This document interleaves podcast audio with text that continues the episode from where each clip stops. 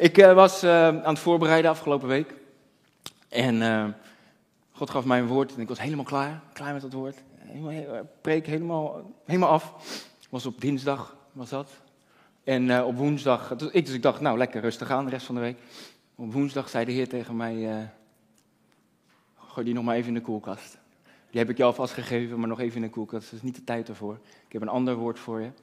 En als mens had ik het helemaal al in, in, in gedachten. Van, nou, dat woord dat ging over muren breken. Ik denk, nou, daar hebben we het de laatste, laatste paar weken natuurlijk over. Maar dan weet ik, ik moet niet op menselijke inzicht steunen. Maar ik moet luisteren naar wat God wil. En daarom gaat het vandaag over heel wat anders.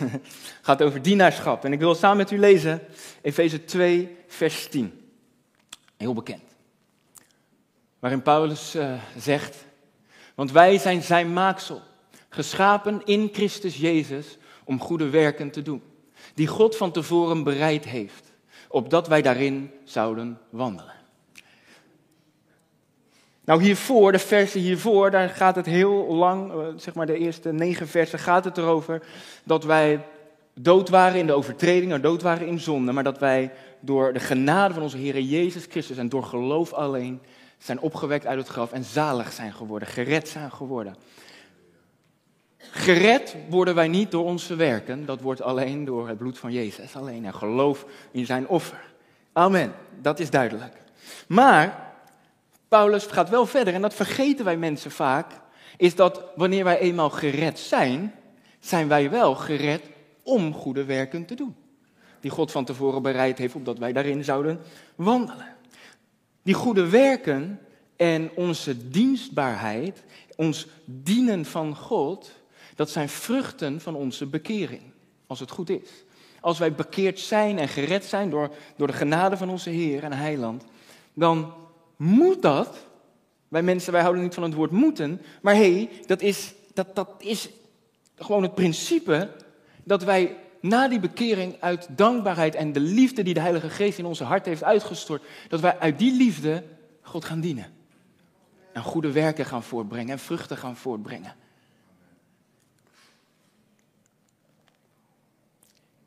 En daar zijn wij voor gemaakt. Geschapen in Christus Jezus. En geschapen in Christus Jezus, dat zijn wij als wij met Hem zijn gestorven en met Hem zijn opgestaan, wat we net hebben gezien. Dan zijn wij een nieuwe creatie, een nieuwe schepping in Christus Jezus. En vanaf dat moment heb jij de identiteit, als het goed is, dat jij een arbeider bent in Zijn koninkrijk en voor Zijn koninkrijk. Om goede werk te doen. En het mooie is, die heeft Hij al van tevoren bereid. Wij hoeven er alleen nog maar in te wandelen. Jezus zei, Johannes 14, vers 12, de dingen die, die ik heb gedaan, die zult u ook doen. En nog grotere dingen dan deze. Jezus zei ergens anders, toen de discipelen, hè, die dachten nog alles op een ander level dan Jezus. Discipelen dachten van, oh, uh, we hebben honger, we hebben eten nodig. Dat Jezus zei, mijn brood, mijn voedsel is het doen van de wil van mijn vader. En zijn werk volbrengen. Zijn werk volbrengen. Die heeft hij allemaal van tevoren bereid. Hij heeft, Jezus is ons voorbeeld. En wij hoeven alleen nog maar te wandelen achter hem aan. En de werken te doen, de goede werk te doen die hij ook deed. En wij mensen, dan, ik weet niet hoe het bij u zit, het zou best kunnen dat u nu al zo zit van, oh ja, maar dat kan ik niet. Want wat Jezus is zo, zo, zo goed, zo geestelijk, zo, kom op, dat ben ik niet. Maar lieve broer, lieve zus, als je gelooft dat Gods woord de waarheid is, dan moet je ook geloven dat wat er staat in Gods woord, en daar staat dat wij erfgenamen zijn van de Vader en mede-erfgenamen met Jezus. Dus alles wat, in de wat, wat, wat, wat Jezus uh, uh, heeft, heeft, wat God heeft vrijgezet, en ook de werken waarin we mogen wonen, die Jezus in ons is voorgegaan, de dingen die wij mogen doen, die werken die wij mogen doen, daar heeft Hij ons ook alle kracht en alle instrumenten voor gegeven. Om ze ook te doen, om daarin ook te wandelen. Hij heeft ze van tevoren al bereid, zodat wij erin kunnen wandelen. Want als God ons uh, uh, schept om iets te doen, en als Hij ons roept om iets te doen, als Hij ons een opdracht geeft vanuit Zijn woord om iets te doen, dan geeft Hij ook altijd de kracht om dat te kunnen doen. Door en in de Heilige Geest. Die in u woont, als het goed is. En dan heb je alles wat je nodig hebt. En Hij geeft ook de tools om die te kunnen doen. Na je wedergeboorte krijg jij instrumenten, minimaal één instrument, maar ik geloof vaker dan wij denken, meer instrumenten om te doen het werk van de Heer. Die te volbrengen. 1 Petrus 4, vers 10.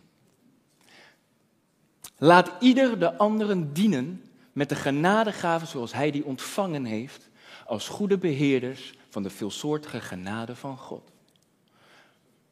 Wat zegt mij dat? Laat ieder de anderen dienen met de genadegaven die hij ontvangen heeft. Dat zegt mij dat een ieder minimaal één genadegave van de Heer heeft ontvangen om anderen te dienen. Dan denk ik aan de gaven van de geest natuurlijk, zeker ook. Maar ook andere gaven die ook in de Bijbel staan. Niet die ik verzin, maar die, die in de Bijbel staan, die we ook zo gaan bekijken. Maar iedereen heeft minimaal één gave. Nogmaals, ik, weet, ik geloof vaker dan wij denken dat we er nog veel meer hebben. Omdat wij mens zijn en wij kijken vaak op onze tekortkomingen. En dan zijn er ook nog andere mensen vaak die ons wijzen op onze tekortkomingen.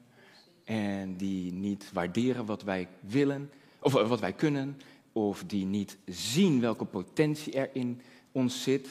Daarom wil ik u nu alvast van tevoren zeggen, de potentie die God in u allemaal heeft gelegd, probeer die te ontdekken samen met de Heer, met de Heilige Geest. Vraag Hem. En doe dat dan daarna, als u daarna gebeden heeft en u heeft eh, van de Heer gehoord, kom dan ook naar ons toe. En zeg, ik heb dat en dat gehoord. Is er ruimte daarvoor? En dan zullen wij nooit zeggen, als het van de Heer is natuurlijk, zullen wij nooit zeggen van nee, dat kan niet. Of nee, jij moet nog uh, even goed de Bijbel uit je hoofd leren kennen. Want zo gaat potentie van mensen verloren. Talenten van mensen gaan zo verloren. Gaven van mensen gaan zo verloren. Die verbergen ze onder de grond, waardoor er geen vrucht is. Waardoor, en als er geen vrucht is, brengt dat ook geen eer aan de Vader. Even tussendoor van tevoren. Ieder heeft tenminste één gave, één talent. En wat hier staat is, wees daar een goede beheerder van. Van die genadegave van, die u van de Vader heeft ontvangen. Beheer die goed. Ga daar niet zo maar mee om. Of stop hem niet onder de grond uh, en doe er maar niks mee. Nee, ga daar goed mee om. Als goede beheerders van die genade van God. En ik geloof dat als jij die gave ontdekt die God in jou gelegd heeft, of de gaven ontdekt die God in jou gelegd heeft, en je gaat die ontdekken en je gaat die omarmen, en je gaat ook je positie innemen in het koninkrijk van God, of in, in de lokale gemeente, en je gaat de Heer dienen, dan zeg ik je, dan garandeer ik je, dan zal je, dan pas zal je echt een gezegend en gelukkig mens zijn. Weet je waarom? Ik, weet je waarom? Omdat je dan gaat doen waar God je voor heeft geschapen. En dan kan je pas echt gelukkig zijn. Dan kan je bij wijze van spreken op je bankrekening in de min staan. En weet ik veel wat, je kan eh, niks hebben bij wijze van spreken. Maar omdat je wandelt in jouw bestemming, wandelt in de purpose die God voor jou heeft, waar Hij jou voor heeft geschapen, waar Hij jou voor heeft geroepen, waar Hij jou voor heeft uitgekozen, dan pas kan je waarlijk een gelukkig en gezegend mens zijn. Heel veel mensen, we zoeken naar geluk. Maar we zoeken dat in dingen van die we nog meer kunnen hebben. Of, of een grotere dit of dat, weet je wel. Of van, als ik dat bereik, dan pas word ik gelukkig. Maar als je nou het omdraait en, nou niet echt omdraait, maar je gaat niet naar materiële dingen toe of naar weet ik veel wat. Of naar, naar, naar van, als ik kinderen heb, dan pas ben ik echt gelukkig. Maar als je gaat zoeken naar wie jij bent, naar jouw identiteit, dan focus je uiteindelijk vanzelf op de Vader. En als je gaat, de Vader gaat kennen, dan gaat Hij tot je spreken. En dan gaat Hij je laten zien wat jouw bestemming is voor dit leven. Waar jij hiervoor nu nog op aarde bent. Als jij hier nu nog op aarde bent, ook al ben je 70, ook al ben je 10. Maar dan heeft God voor jou hier, als je hier nu nog bent op aarde, heeft Hij voor jou hier een doel hier op, hier op aarde. In dit leven. En het ding is om die te ontdekken. En ik wil eh, graag een, een, een, een pastor van een gemeente zijn. Een gemeente waarin iedereen dat gaat ontdekken, zodat iedereen mag gaan schijnen voor de Heer. Tot glorie voor God, hè? Niet voor, niet voor de naam van deze gemeente of voor mij of voor jezelf. Nee, voor God. Halleluja. John Bevere, die zei, gezegend en gelukkig is hij die zijn gaven kent en daarin wandelt. Maar gestrest en ongelukkig is hij die daarin niet wandelt, maar niets doet, niets doet of iets doet waar iemand anders voor geroepen is. Daar word je niet gelukkig van. Als jij gaat wandelen in schoenen van iemand anders, waar iemand anders voor geroepen is, word je niet gelukkig van, want dat zijn niet jouw schoenen. Dat is niet waar God jou voor geroepen heeft. Van niets doen met de gaven die God je geeft, word je ook niet gelukkig van, want dat heb ik net allemaal uitgelegd. Want dan wandel je niet in je bestemming. Maar zo heeft Hij ons allemaal samengevoegd in, in, zijn, in, in het lichaam van Christus. Wij zijn de kerk, samen. Geen gebouw, wij zijn samen de kerk, de gemeente van Christus. En wij zijn één lichaam. Romeinen 12, laten we lezen. Romeinen 12, vers 4. Want zoals wij in één lichaam vele leden hebben en de leden niet alle dezelfde functie hebben, daar heb je het. Hebben niet alle, onze leden hebben niet allemaal dezelfde functie. Zo zijn wij, hoewel velen, één lichaam in Christus. Maar ieder afzonderlijk leden van elkaar. Van elkaar. Wij zijn samen uh, gebracht. God heeft ons samengebracht. Als u hier bent vanochtend, dan bent u hier niet per toeval, bent u hier niet zomaar. God heeft u geroepen vanochtend uit uw bed. en u heeft gehoorzaamd naar zijn roepstem. En daarom bent u hier. Met een doel.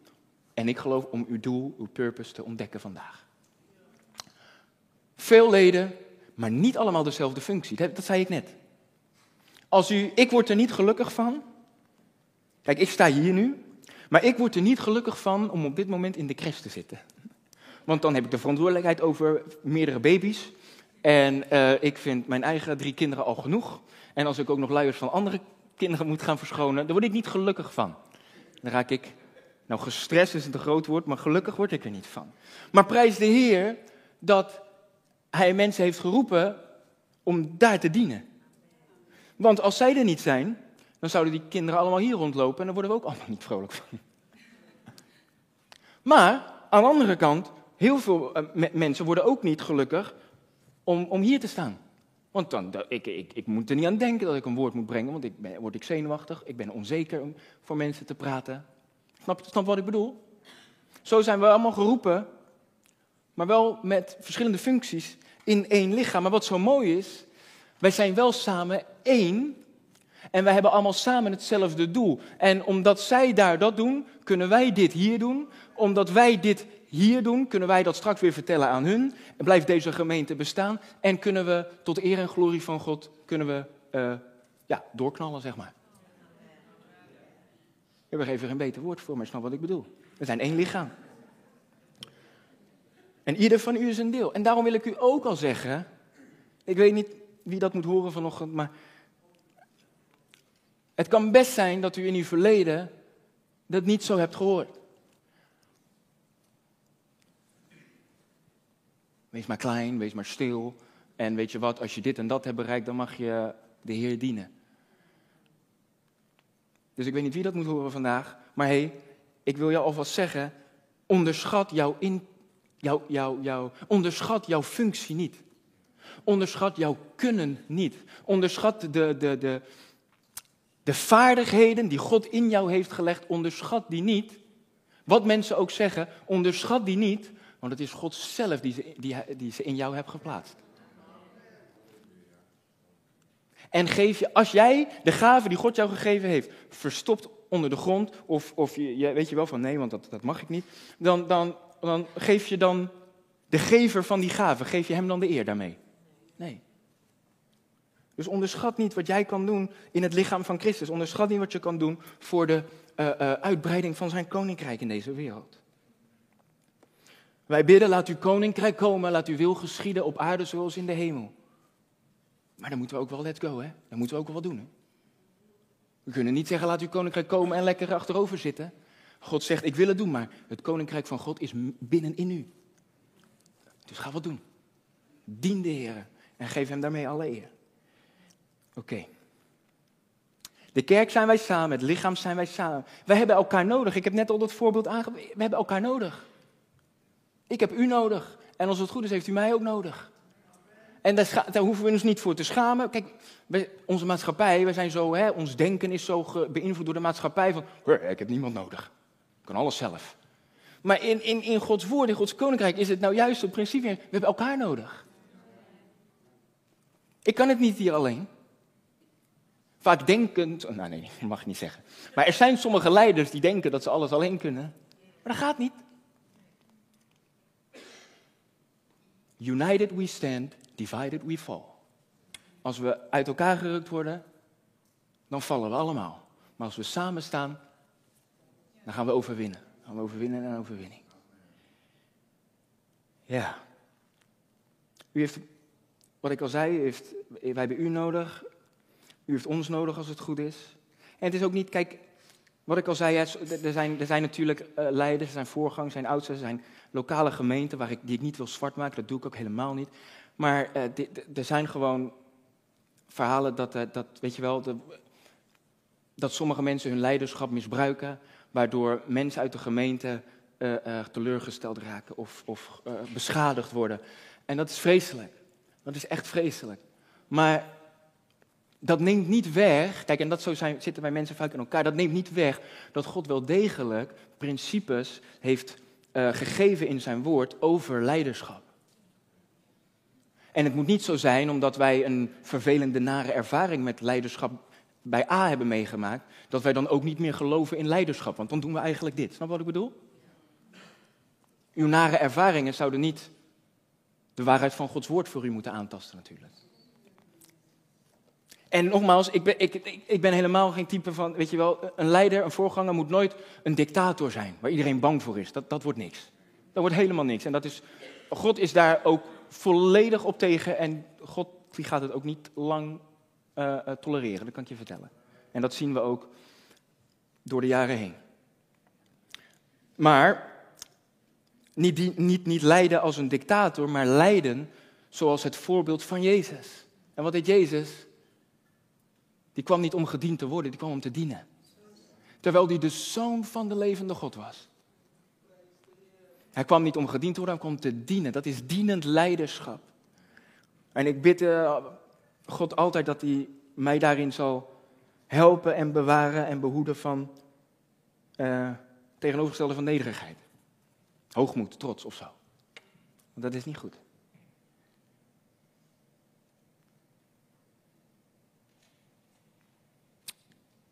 Maar zo geldt dat voor ons allemaal. Dat wij God mogen dienen met een, met een nederig hart. Met een nederig hart. En iedereen op zijn plaats. Iedereen op zijn plaats. Ieder met zijn of haar functie. En zo eren wij elkaar, weet u dat? Als wij elkaar eren op onze plaats en we geven elkaar de ruimte en we, we eren elkaar daarin, dan eren we elkaar, maar dan eren we ook God. Bovenal, natuurlijk. Zo zou het volgens mij volgens wat ik lees uit het woord, in principe, door de principes van de Bijbel, moeten gaan in de gemeente. Kijk maar naar de eerste gemeente. In handelingen. Vanaf handelingen 2 naar de eerste Pinksterdag. Als ik kijk naar die gemeente, naar die vroege kerk, naar die eerste gemeente, dan, dan zie ik daar leiders, dan zie ik daar twaalf apostelen, die door God geroepen zijn. Maar die konden ook niet alles zelf doen natuurlijk. Hoe groter die gemeente werd, hadden ze hulp nodig. Laten we lezen in Handelingen 6. In die dagen, vanaf vers 1, in die dagen toen het aantal discipelen steeds toenam, ontstond er gemor van de Grieks sprekenden tegen de Hebreeën, omdat hun weduwen bij het dagelijkse dienstbetoon over het hoofd werden gezien. Er ontstond gemor, er ontstond geklaag in de kerk, in de gemeente. Het lijkt net een kerk uit 2022. Er ontstond geklaag. Want ik ben over het hoofd gezien. Ik heb geen eten gehad. Ik heb geen drinken gehad. Ik mocht niet als eerste opscheppen van het buffet. Ja, u lacht, maar hé, hé, hé. Ja, ja. Vers 2. En de twaalf riepen de menigte van de discipelen bij zich en zeiden: Het is niet behoorlijk dat wij nalaten het woord van God te verkondigen om de tafels te dienen. Zie daarom uit, broeders, naar zeven mannen uit uw midden, van wie men een goed getuigenis geeft, vol van de Heilige Geest en van wijsheid, die wij voor deze noodzakelijke taak zullen aanstellen. Wij echter, de apostelen, de leiders van de gemeente, zullen volharden in het gebed en in de bediening van het woord. Het is een principe van God, dat ieder zijn of haar functie heeft. En we zijn, begrijp me niet verkeerd, we zijn allemaal uh, geroepen om te bidden. Allemaal. God leert ons bidden. Daar heb je niet een bepaald talent voor nodig. Daar heb je niet een bepaald, bepaalde gave voor nodig. Iedereen kan bidden, want Jezus heeft ons laten zien hoe je moet bidden. Dus allemaal kunnen we bidden. Iedereen kan ook uh, daar getuigen van Jezus. Daar zijn we allemaal voor geroepen. Maar er zijn hier in dit voorbeeld, en zo het ook nu vandaag de dag, zijn er een aantal altijd uh, geroepen specifiek om het woord te prediken en om in gebed te gaan. En in alle wijsheid van God natuurlijk, in alle wijsheid van die apostelen, lieten zij de gemeente zeven mannen uitkiezen om diakenen te worden. En diakenen kennen wij nu ook nog in de gemeente, maar ik zal je wat vertellen. Hè? Weet je wat diakenen in het Grieks, diakonos, dat betekent dienaar. Wij zijn allemaal dienaren. Daar hoeft u niet te wachten totdat u een stempel op uw hoofd krijgt van diaken. U bent allemaal een dienaar. Wij zijn allemaal dienaren van de Heer. Dienaar van de Heer en dienaar van zijn volk. Nou, wie van die twee is belangrijker? Wie van de twee is hoger, geestelijker? Geen van beide. Want we hebben elkaar nodig. Ik heb u nodig en, en u heeft mij nodig, als het goed is. We hebben elkaar nodig. Door het dienen, dat is het voorbeeld wat ik gaf van de crash, door het dienen van die zeven mannen, waaronder Stefanus, door het dienen van die zeven konden de leiders zich richten op datgene waar God ze voor geroepen had.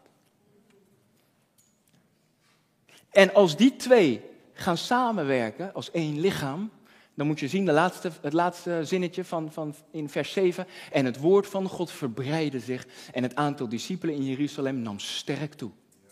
Dan komen er vruchten als die twee gaan samenwerken. Als het lichaam van Christus, de hand en de voet, het hoofd en been, dank u wel, ja, ik, uh, als die gaan samenwerken, wauw. Maar als, als de hand zegt van ja, ik ben weliswaar geroepen voor dat, maar, maar nu wil ik eigenlijk wel, uh, ik wil nu wel promoveren eigenlijk. En promoveren is niet, hoeft niet altijd verkeerd te zijn, hè? begrijp me niet verkeerd. Maar als je dat doet door, niet uit liefde, maar als je dat doet uit zelfpromotie of zelf zelfverheerlijking of zelfverrijking soms, of aanzien, en dan gaat het mis. Dat geldt ook voor leiders natuurlijk, maar dat geldt ook voor iedereen. Die, geldt voor iedereen. Maar we hebben elkaar nodig, we zijn allemaal dienaren. We zijn één lichaam. In 1 Korinthe 12 had ik ook nog opgeschreven, want daar staat het ook nog zo mooi dat we elkaar nodig hebben. Maar nu heeft God de leden, elk van hen afzonderlijk, in het lichaam een plaats gegeven zoals Hij gewild heeft. Niet zoals wij willen, niet zoals wij denken dat dat onze plek is, niet zoals wij. Maar de Heer weet het alleen, vraag het dan aan Hem. Ook al heb je dat je denkt van jezelf, oh mijn menselijke talenten, ik kan heel goed dit of dat. Toch moet je altijd eerst naar de Vader toe gaan en vragen, is dat wel wat u voor mij heeft? Of heeft u een andere plek voor mij? En het oog kan niet zeggen tegen de hand, ik heb je niet nodig. Of vervolgens het hoofd tegen de voet, ik heb jullie niet nodig. Dat kan niet. Dat kan niet. Dan gaan we scheef lopen. Of dan gaan we. Als ik. Moet u maar eens proberen, hè? Als u. Ja, ik wil u niet als voorbeeld nemen, maar ik heb ook wel eens mijn arm gebroken. Ik weet niet of u uw arm heeft gebroken. Maar als u nu met één hand uh, brood moet smeren, dat wordt lastig. En zo is het ook in de kerk. We hebben, we hebben beide handen nodig. Maar als, als u een hand bent, zeg maar, en u zegt van, nou ja, ik ben met mijn eigen koninkrijk bezig. En wat jullie met dat lichaam willen doen, dat zoeken jullie zelf maar uit. Want ik ga niet de Heer dienen, ik dien mezelf en mijn eigen toko. Dan missen we een hand. En dan dit brood smeren lukt nog wel, maar is een stuk lastiger. En een stuk moeilijker. Als we dat nou samen doen, dan zijn we zo klaar met brood smeren. Snapt u wat ik bedoel? Heel stom, simpel voorbeeld. Dank u wel. Wij maken het lichaam, de kerk, maken wij compleet. En daarom wil ik je vandaag op het hart drukken. In het koninkrijk van de Heer, kijk nooit als een toeschouwer toe. Kijk nooit werkeloos toe hoe anderen het doen. Weet je waarom? Omdat je geroepen bent om te dienen. Wat het ook is. Wat het ook is. Als je deel bent, kijk dan niet werkeloos toe, want hij heeft elk afzonderlijk, staat daar, een plaats gegeven. Dat betekent, iedereen heeft een plaats. Iedereen heeft een plaats. En in het koninkrijk zijn er geen consumenten. In het koninkrijk van de Vader zijn alleen maar discipelen. En volgelingen. En wat doen volgelingen? Zij volgen de Heer. En als wij volgen de Heer, wat moet je dan doen? In beweging komen. Actief. Actieve houding. Dat zijn discipelen. Dat is het verschil. Dat zei uh, Rick volgens mij nog afgelopen zondagavond ook. Christenen, dat, dat, dat was eigenlijk een scheldwoord in de oude tijd. Eigenlijk zouden we meer moeten spreken van discipelen. Want je hebt naamchristenen of je hebt echte discipelen. Die hun alles geven aan de Heer, alles loslaten en achter Jezus aangaan. Dat is het verschil. Volgelingen volgen altijd, die zijn in beweging, die doen wat. En daarom moedigen, moedig ik en moedigen wij je ook altijd aan, zoek wat, zoek je plaats om te dienen in Gods Koninkrijk. Zoek hem. Kom tot ontdekking en kom dan tot bloei, groei en vruchtdracht. Aankomende zaterdag hebben wij onze werkersdag, onze jaarlijkse werkersdag. Of je nou hier al uh, uh, iets doet in de gemeente, of je hebt er interesse in, of je denkt, ik wil wel iets doen, maar ik wil het gewoon ontdekken. Wat? Ik weet het nog niet. Weet je, kom en ontdek het. Vandaag, komende zaterdag, maar zeker ook komende zondag, als wij een profetische dienst hebben met de profeten uit, uit Amerika. Die, een profetie die, als het goed is, die deelt met jou het vaderhart voor jou. En een profetie zal 99 van de 100 keer zal een profetie, is het de bedoeling dat een profetie jou lanceert in jouw bestemming. En die zegt, die kant moet je op mijn zoon, die kant moet je op mijn dochter. En dat komt rechtstreeks uit het hart van de vader. Dus, dus dit weekend, dus deze zondag, in combinatie met volgend weekend, dat kan voor jou het begin van de rest van je leven zijn. Als jij zegt, ja heer, ik weet nog niet wat, maar in, in, inderdaad, ik wil nu mijn positie innemen en ik wil u dienen.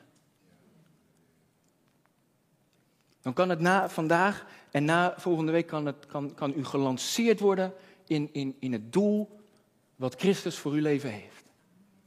Kan natuurlijk altijd, u kunt het ook straks als u nu binnenkomt, kunt u dat ook horen van, van de Vader door de Heilige Geest. Tuurlijk. Maar er zijn niet voor niets voor niets uh, profeten gegeven. Dus zoek je plaats om te dienen. Bid en vraag wat God wil dat je doet voor Hem. Wij zijn vaak goed om God dingen te vragen. Heer, wat kan u voor mij doen? Hoe komt u in de dienst? Vraag ik me wel eens af. Ik in het verleden kwam in de dienst en dan ging ik zitten en dan dacht ik, wat kan ik nu van de Heer ontvangen? Je herkent het, hè? Dan, dan, dan Terwijl we het zouden moeten omdraaien als je het mij vraagt. Wij komen in een dienst. Dienst. Ja toch? Is die dienst om ons te dienen of is die dienst om God te dienen? Komen wij om God te dienen? Vader, wat wilt, wat wilt u dat ik doen zal voor u? Wat kan ik voor u doen? was een tijd, is al lang geleden hoor, maar jaren geleden toen wij begonnen met de, met de kringen, met, met, met, de, met de groepen zeg maar, op woensdagavond, waren de mensen op een gegeven moment van, ja, maar dan kom ik en uh, ja, dan ontvang ik niks.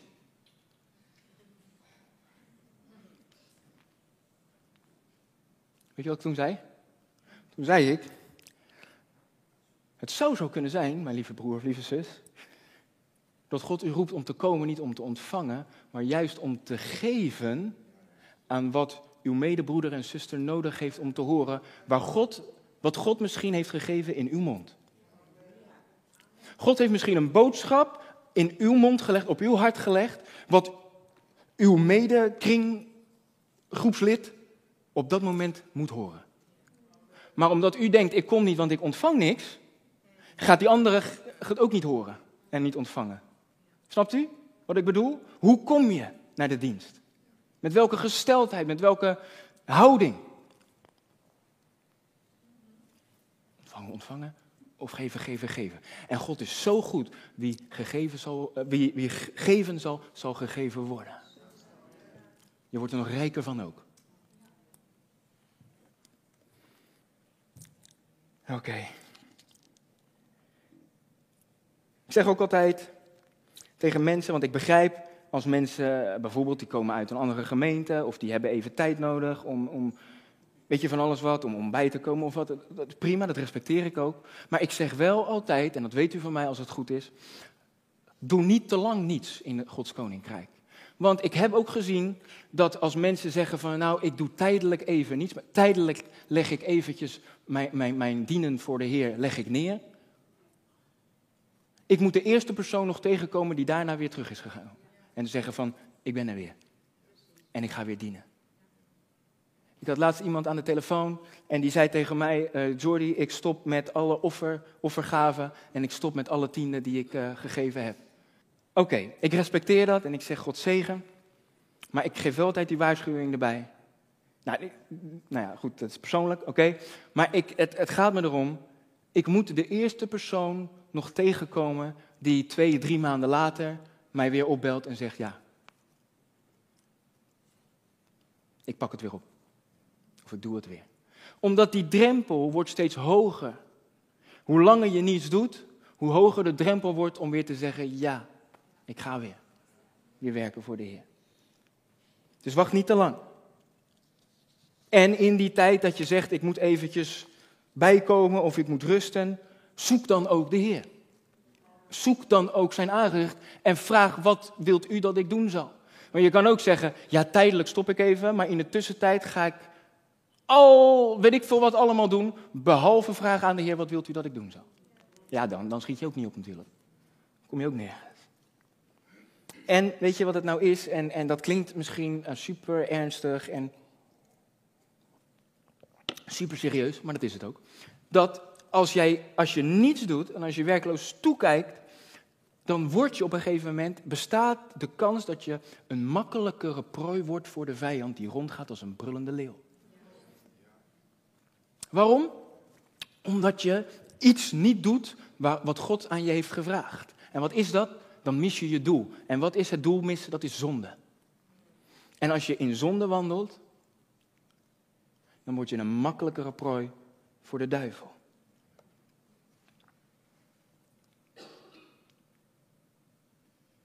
Ik heb in allerlei uh, uh, verschillende functies heb ik, heb ik de Heer gediend.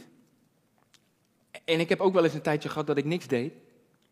En het gevaar is, en ik denk dat er vast minimaal één persoon is die dat herkent, maar ik denk allemaal, dat als je op een gegeven moment denkt, ik kom alleen maar naar de kerk om consument te zijn, of ik zoek de Heer alleen maar als ik hem nodig heb, dan ben je eigenlijk ook in een bepaalde manier uh, consument. Dan, dan kom je zitten en dan op een gegeven moment denk je van, nou, weet je, dat is wel lekker eigenlijk. Ik hoef niks te doen. Ik heb nergens mijn ja aangegeven, niet aan de Heer. En ik heb geen verantwoordelijkheid, dus ik kan lekker gaan en staan wanneer en waar ik wil. En dat is wel lekker zo eigenlijk. En het ding is, is dat, daar heb ik het een paar weken geleden over gehad. Het gevaar is dat je als deel van de kerk, dat je in slaap valt. En als je in slaap valt, dat is wat de vijand zo graag wil. Want dan draag je geen vrucht. Dan ben je niet tot zegen van anderen. Dan ben je alleen maar met jezelf bezig. En weet je wanneer, waarmee de vijand vaak een voet tussen de deur heeft in ons leven? Dat is als wij liefhebbers worden van onszelf.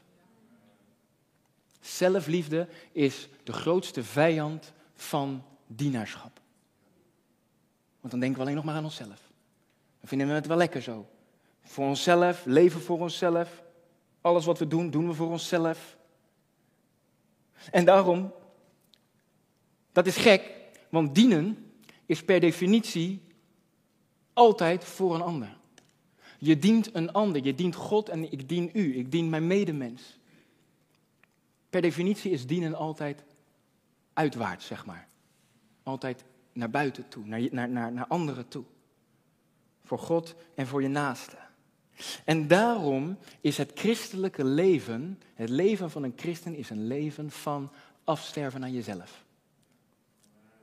Dat zelfliefde gaat sterven in jou.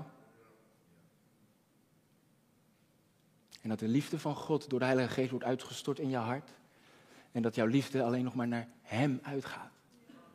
En als jouw liefde in de eerste plaats naar Hem uitgaat, prioriteit nummer één, mijn liefde naar de Heer, dan ga jouw liefde ook naar je medemens. En de Bijbel zegt ook weer, wat je aan de geringste van mijn broeders hebt gedaan, dat heb je aan mij gedaan.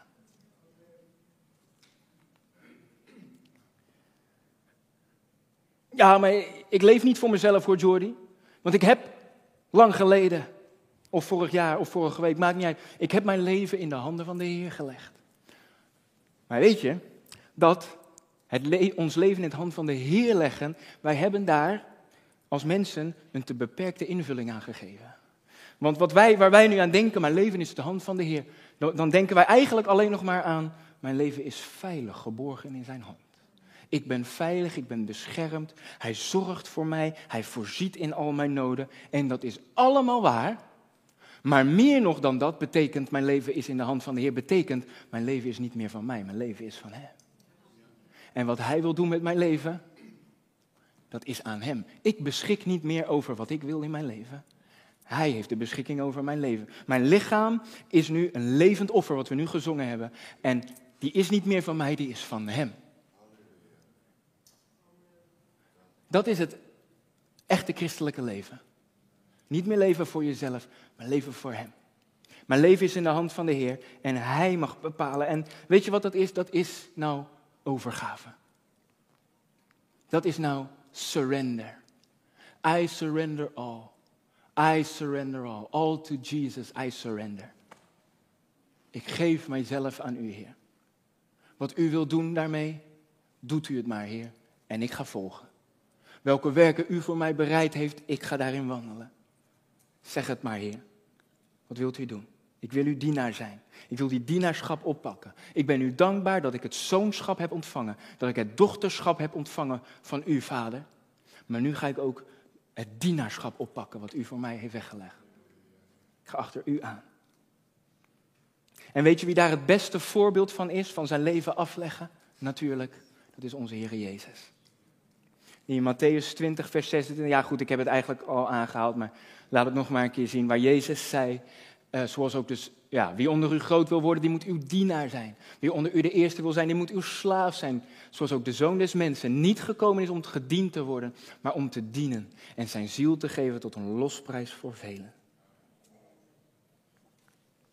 Halleluja.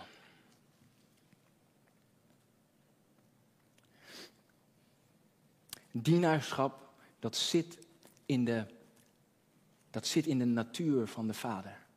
Zit in de natuur van Jezus. De geest van Jezus is dienaarschap.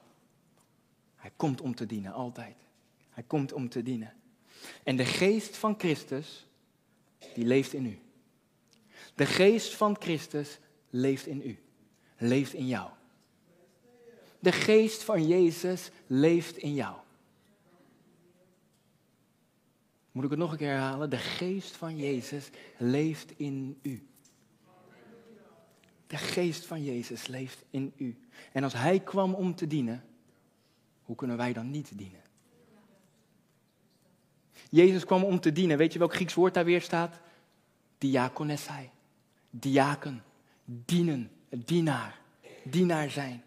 En dat zit in de natuur van Jezus. Jezus diende de Vader en hij diende de mensen. Het zit in de natuur van onze helper. Wie is onze helper vandaag? De Heilige Geest. Die dient ons. Hebreeën 1, vers 14, die zegt dat engelen zijn dienende geesten voor ons. Wij hebben allemaal dienaren om ons heen die ons dienen. Hebben wij die natuur niet ook, toen wij een nieuwe schepping zijn geworden, hebben wij die nieuwe natuur niet ook ontvangen? Om te dienen, God en elkaar.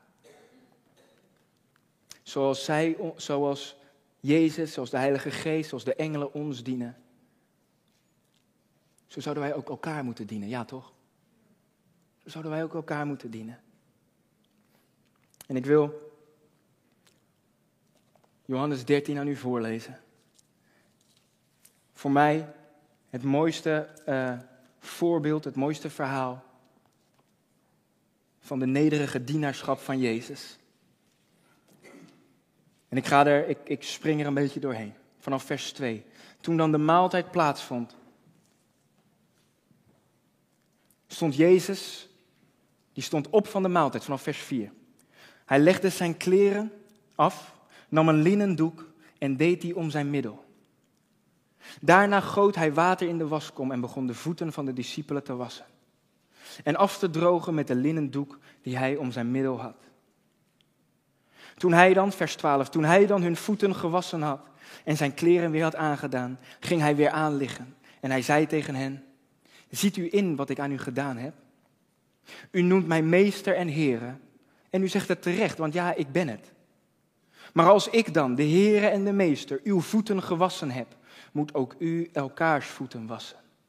Want ik heb u een voorbeeld gegeven, opdat ook u zult doen zoals ik voor u heb gedaan. Vers 17 als laatst. Als u deze dingen weet, zalig bent u als u ze doet. Als u deze dingen weet, dat is prima. Maar zalig, gezegend, gelukkig en blessed bent u als u ze doet. Jezus was de voeten. En het was een taak, was een functie van een slaaf, van de allerlaagste. Maar Jezus deed het. Voor zijn discipelen, voor zijn dienaren. Wat moet ik nog meer zeggen? Ik heb u een voorbeeld gegeven, opdat ook u zult doen zoals ik voor u gedaan heb, zegt Jezus. Moeten we allemaal elkaars voeten gaan wassen? Letterlijk nee. Maar moeten wij elkaar wel dienen, de laagste plaats nemen. En als we iemand zien, bezig zien, kan ik je helpen? Waarin kan ik je dienen, mijn broer, mijn zus? Elkaar dienen. Zo'n gemeente zouden we samen moeten willen hebben. En samen moeten zijn. Voor je redding, nogmaals, voor je redding hoef je te geloven alleen. Maar ik geloof wel dat als wij eenmaal gered zijn en kinderen van God zijn, dat wij verantwoordelijkheden hebben. En waarover God zegt, ga, mijn zoon, mijn dochter, getuig. Ga en dien mij en dien elkaar. Ga en doe het werk en volbreng het werk van de Vader. Zalig bent u als u dit doet. En weet je wat Jacobus 4, vers 17 zegt? Wie weet goed te doen, maar het niet doet, aan hem is het zonde. Wie weet goed te doen, maar het niet doet, bewust, voor hem is het zonde. Dat is de zonde van nalatigheid. De zonde van ik weet wat ik moet doen. Ik weet wat de Heer van mij gevraagd heeft. Ik weet waarin ik hem moet gehoorzamen. Ik weet waarin ik een geloofstap moet nemen en ik moet het gaan doen. Ik weet het. Ik hoor het. Ik hoor het nu. Jordi, je zegt het nu uh, misschien voor de zestiende keer. En ik heb het ook van anderen al gehoord en ik weet dat ik het moet doen maar ik doe het niet. Dan ben je zondig aan de zonde van nalatigheid. En God, ja, God is een goede vader, absoluut 100% waar. Tegelijkertijd is hij een rechtvaardige rechter. En de Bijbel leert mij, Paulus zegt dat, Petrus zegt dat, dat de Vader ons zal oordelen naar ons werk. God is een goede vader, maar ook een rechtvaardige rechter. Als laatste wil ik met u kijken naar dat overbekende verhaal, oh, niet overbekend, maar al heel erg bekend, van in Matthäus 25, de gelijkenis van de drie dienaren met hun talenten. De ene dienaar kreeg vijf talenten en hij verdubbelde het. De ander kreeg twee talenten en hij verdubbelde het. De, ander, de laatste kreeg één talent. En hij verstopte het onder de grond, want hij was bang voor zijn meester. Wij allemaal, wij zijn in verwachting van de wederkomst van onze meester. Die komt terug. Prijs de Heer. Ik zie uit naar die dag. Maar in die tussentijd, totdat, voordat Jezus terugkomt, heeft hij aan ons talenten gegeven en gezegd, doe. En draag er, er vrucht mee. En het maakt Jezus niet uit hoeveel vrucht. Het maakt hem niet uit van, oh, je moet zo'n bepaald quotum halen of zo. Nee, maar hij zegt wel, wees er trouw mee met wat ik jou uit genade gegeven heb. En doe er wat mee. Wees trouw in jouw dienen. en doe er wat mee. Wees trouw in je dienstbaarheid en doe er wat mee. En draag er vrucht mee, want dat geeft eer aan mij. Maar hij deed niets met zijn talent. En dat is, het, dat is nou het gevaarlijke. Daarom heb ik gesproken over de slapende kerk. Dat is het gevaar. Als wij in slaap vallen, dan gaan we niets doen. En weet je wat het enige wat je hoeft te doen om geoordeeld te worden, is niets. En dat weet de duivel ook. Als hij jou in slaap kan sussen en je doet niets met wat God jou gegeven heeft, je doet niets met zijn talenten, je doet niets met de genadegaven,